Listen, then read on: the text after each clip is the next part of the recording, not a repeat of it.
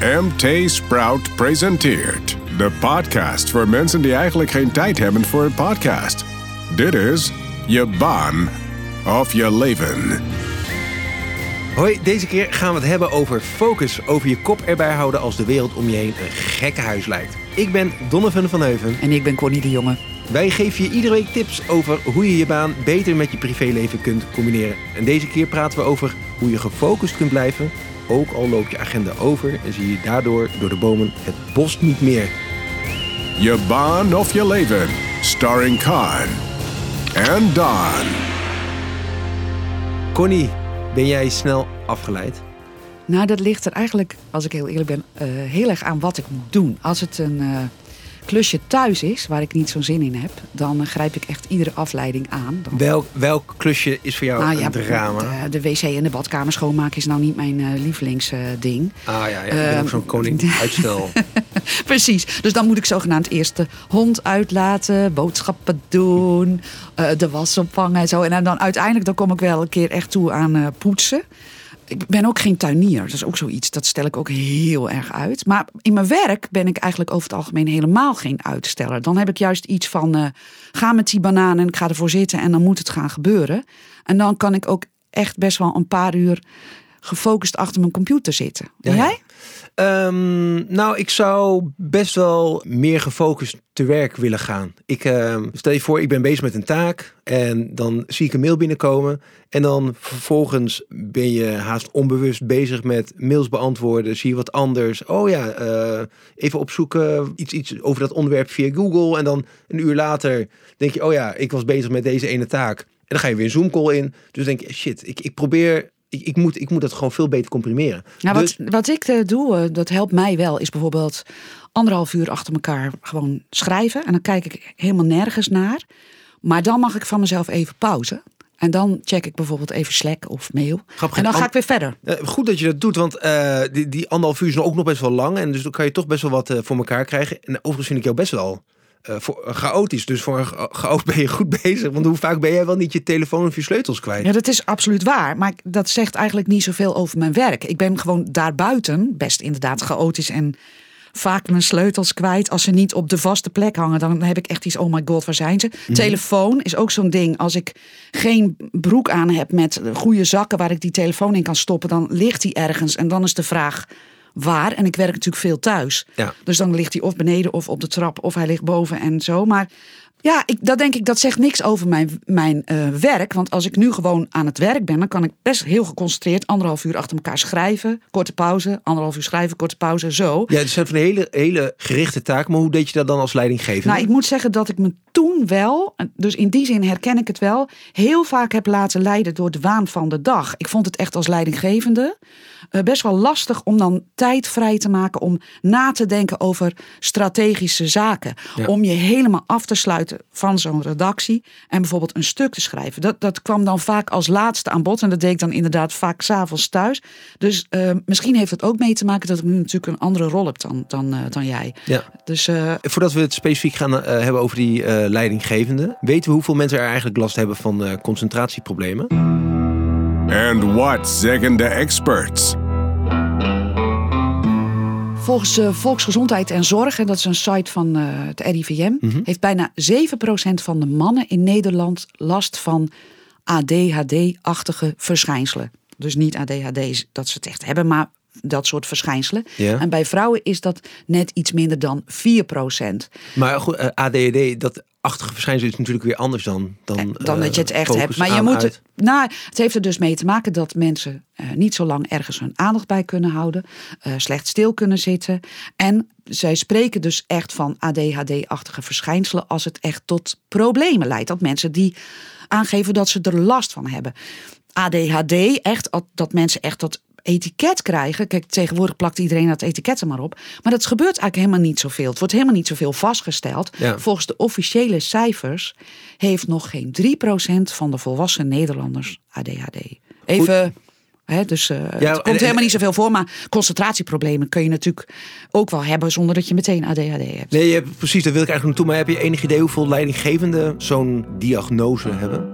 Nee, maar ik kan me wel voorstellen eh, dat er zeker in de creatieve sector behoorlijk wat tussen zitten. Want we weten uit onderzoek dat ADHD'ers eh, heel goed out of the box kunnen denken. Ze zijn vaak hele creatieve mensen. En ook in de wetenschap moeten ze absoluut zitten. Bekendste voorbeeld is Einstein. Hè. Die zou nu waarschijnlijk het. eh, etiket ADHD opgeplakt krijgen. Want hij schijnt echt chaotisch te zijn geweest, vergeetachtig, maar ook empathisch en super intelligent. Dus het komt waarschijnlijk veel meer voor dan je denkt. En in bepaalde sectoren eh, komt het ook gewoon meer voor, omdat mensen zich daar senang voelen. Daar kan je prima uit de voeten als eh chaot of als creatief of als. Ja. Hè, dus Goed, zijn die eh, percentages voor die mensen met ADHD-achtige verschijnselen, is het vervelend, maar die percentages zijn niet schrikbarend hoog. Als je, want volgens mij is het probleem van focussen veel groter. ja, Ehm, absoluut. ja. Kun je daar iets over zeggen? Ja, wat we weten uit een groot Amerikaans onderzoek onder 500 managers is dat maar liefst 96% van de leidinggevenden zegt dat ze heel vaak afgeleid worden door de waan van de dag. Nou, eigenlijk dus dus elke- eigenlijk bijna iedere manager, manager. herkent dit. Ja. Eh, en dat ze, is dus met name dat ze zeggen: ik heb gewoon te weinig tijd om na te denken over de strategie, over de langere eh, termijn. Je kan ook zeggen. Ze zeggen dat ze afgeleid worden. Ja, ze maken er misschien ook geen tijd voor. Terwijl ze allemaal weten dat het hoog nodig is. Dus het, Ja. heeft ook iets te maken Enorme met spagaat. spagaat waar ze Ja. in zitten. Ja, en dan weet je, het, het feit dat veel mensen nu thuis zitten te werken, terwijl een partner dat misschien ook doet, dat helpt natuurlijk ook niet. Hè? En dan heb je ook misschien nog wel kinderen die eh, Rondlopen rondlopen eh, Niet naar de crash kunnen. ja, Maar- ja. Ja, nee, het werken van achter de keukentafel heeft, het, eh, heeft zeker nadelen. Heeft voordelen, maar absoluut ook nadelen. Nou moet ik wel bij zeggen, mensen die voorheen in een kantoortuin werkten, die vinden dat thuiswerken misschien ook wel weer een verademing. Ja. Dus die hebben nu geen bellende of geen kletsende collega's om zich heen. Maar wat we in ieder geval wel weten is dat met name managers dus wel eh, dat het thuiswerken grote nadelen heeft. En, en die hadden natuurlijk voorheen misschien ook wel een eigen hok, zeg ik dan een beetje denigrerend, waarin ze zich terug konden trekken. En die moeten dat hok hè, misschien nu delen Ja. eh, met een partner die ook thuis werkt of met kinderen. Of eh, het is thuis gewoon misschien lawaaieriger dan eh, voorheen in de directiekamer. Dat kan natuurlijk. En, en heeft stress ook nog invloed op je concentratie? Ja, heel erg zelfs. Want die stress die, kan bijvoorbeeld ontstaan door slecht slapen, te veel prikkels van bijvoorbeeld je telefoon, relatieproblemen helpt natuurlijk ook niet mee, Nee. gedoe op je werk helpt niet mee. En dat zijn allemaal dingen die je concentratievermogen beïnvloeden. Geldt trouwens ook voor overgewicht, te veel drinken en diabetes, las ik. Ehm, wat ik wel aardig vond, eh, neuropsycholoog Erik Scherder, die riep eh, werkgevers eh, daarom op om mensen tijdens werktijd minstens een half uur te laten bewegen. Dus Wij bij Enter Sprout doen het ook. Hè? We hebben dat het appje, ik ben even ommetje, heet het volgens mij. Ja. En dan eh, dagen we elkaar uit om eh, tenminste 20 minuten een wandeling te maken. ja, maar ik, dat gebeurt natuurlijk in heel veel bedrijven. Ja. Nog niet. Nee. En eh, een half uur is eigenlijk best wel kort, zegt Scherder ook. Zou eigenlijk wel langer mogen. En wat hij zegt is, ehm werkgevers doet daar niet moeilijk over. Laat mensen dat echt doen in werktijd en eis daar geen compensatie voor. Want onze hersenen zijn minder doorbloed of raken minder doorbloed als we alsmaar stilzitten.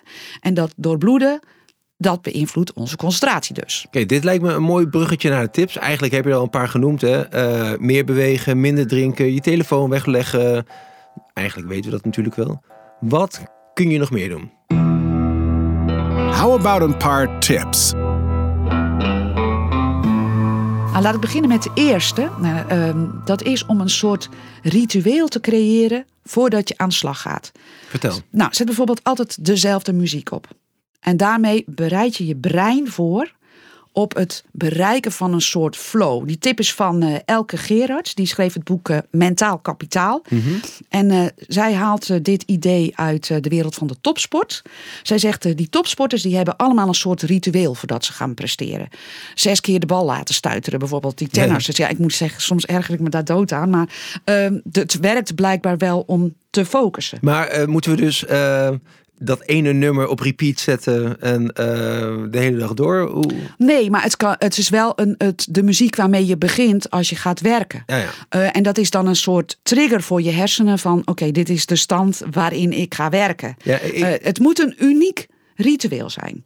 Oké. Ja, want het is dus niet muziek aan en koffie erbij en gaan. Ja.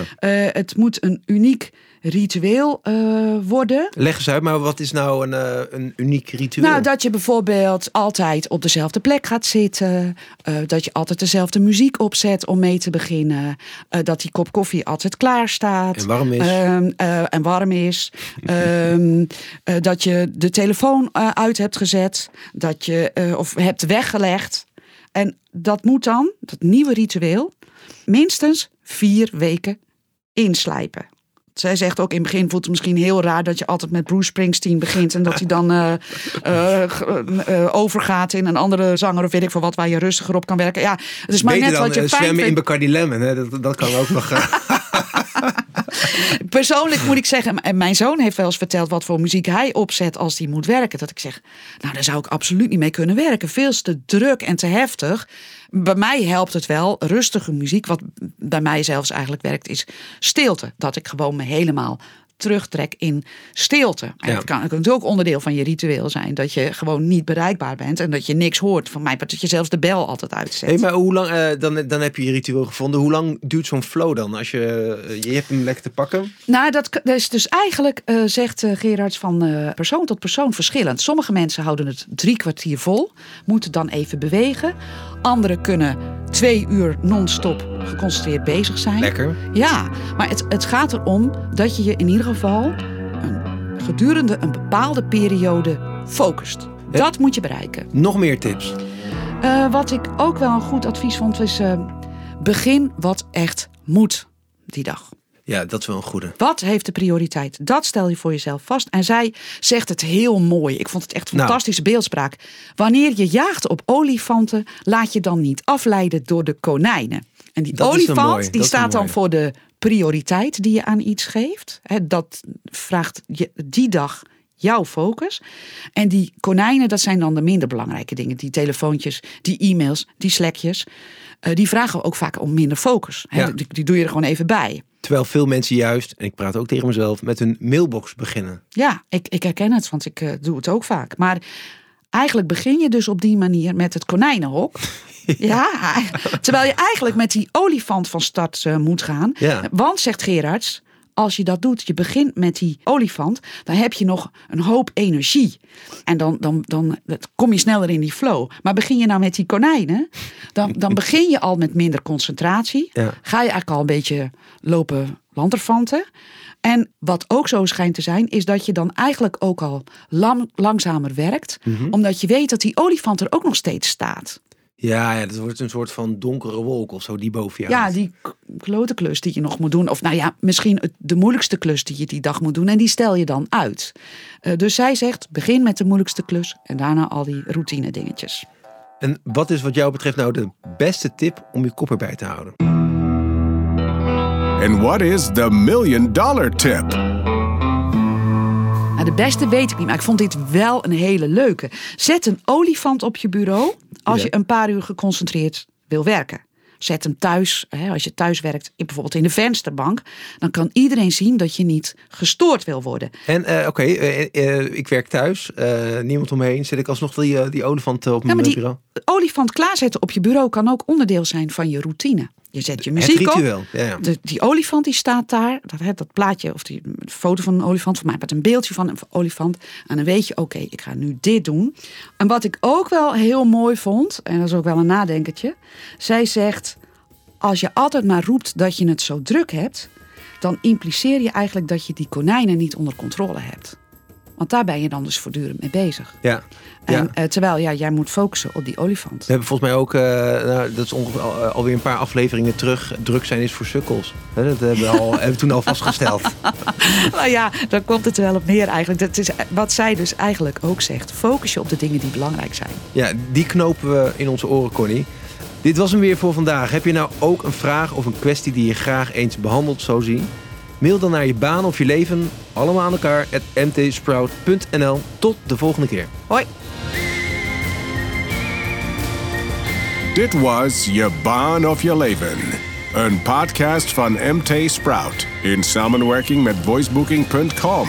Voor meer afleveringen klik op volgen in je favoriete podcast app. Heb je zelf een onderwerp waar we over moeten praten? Mail dan naar je baan of je leven at mtsprout.nl. Till next time, you better listen.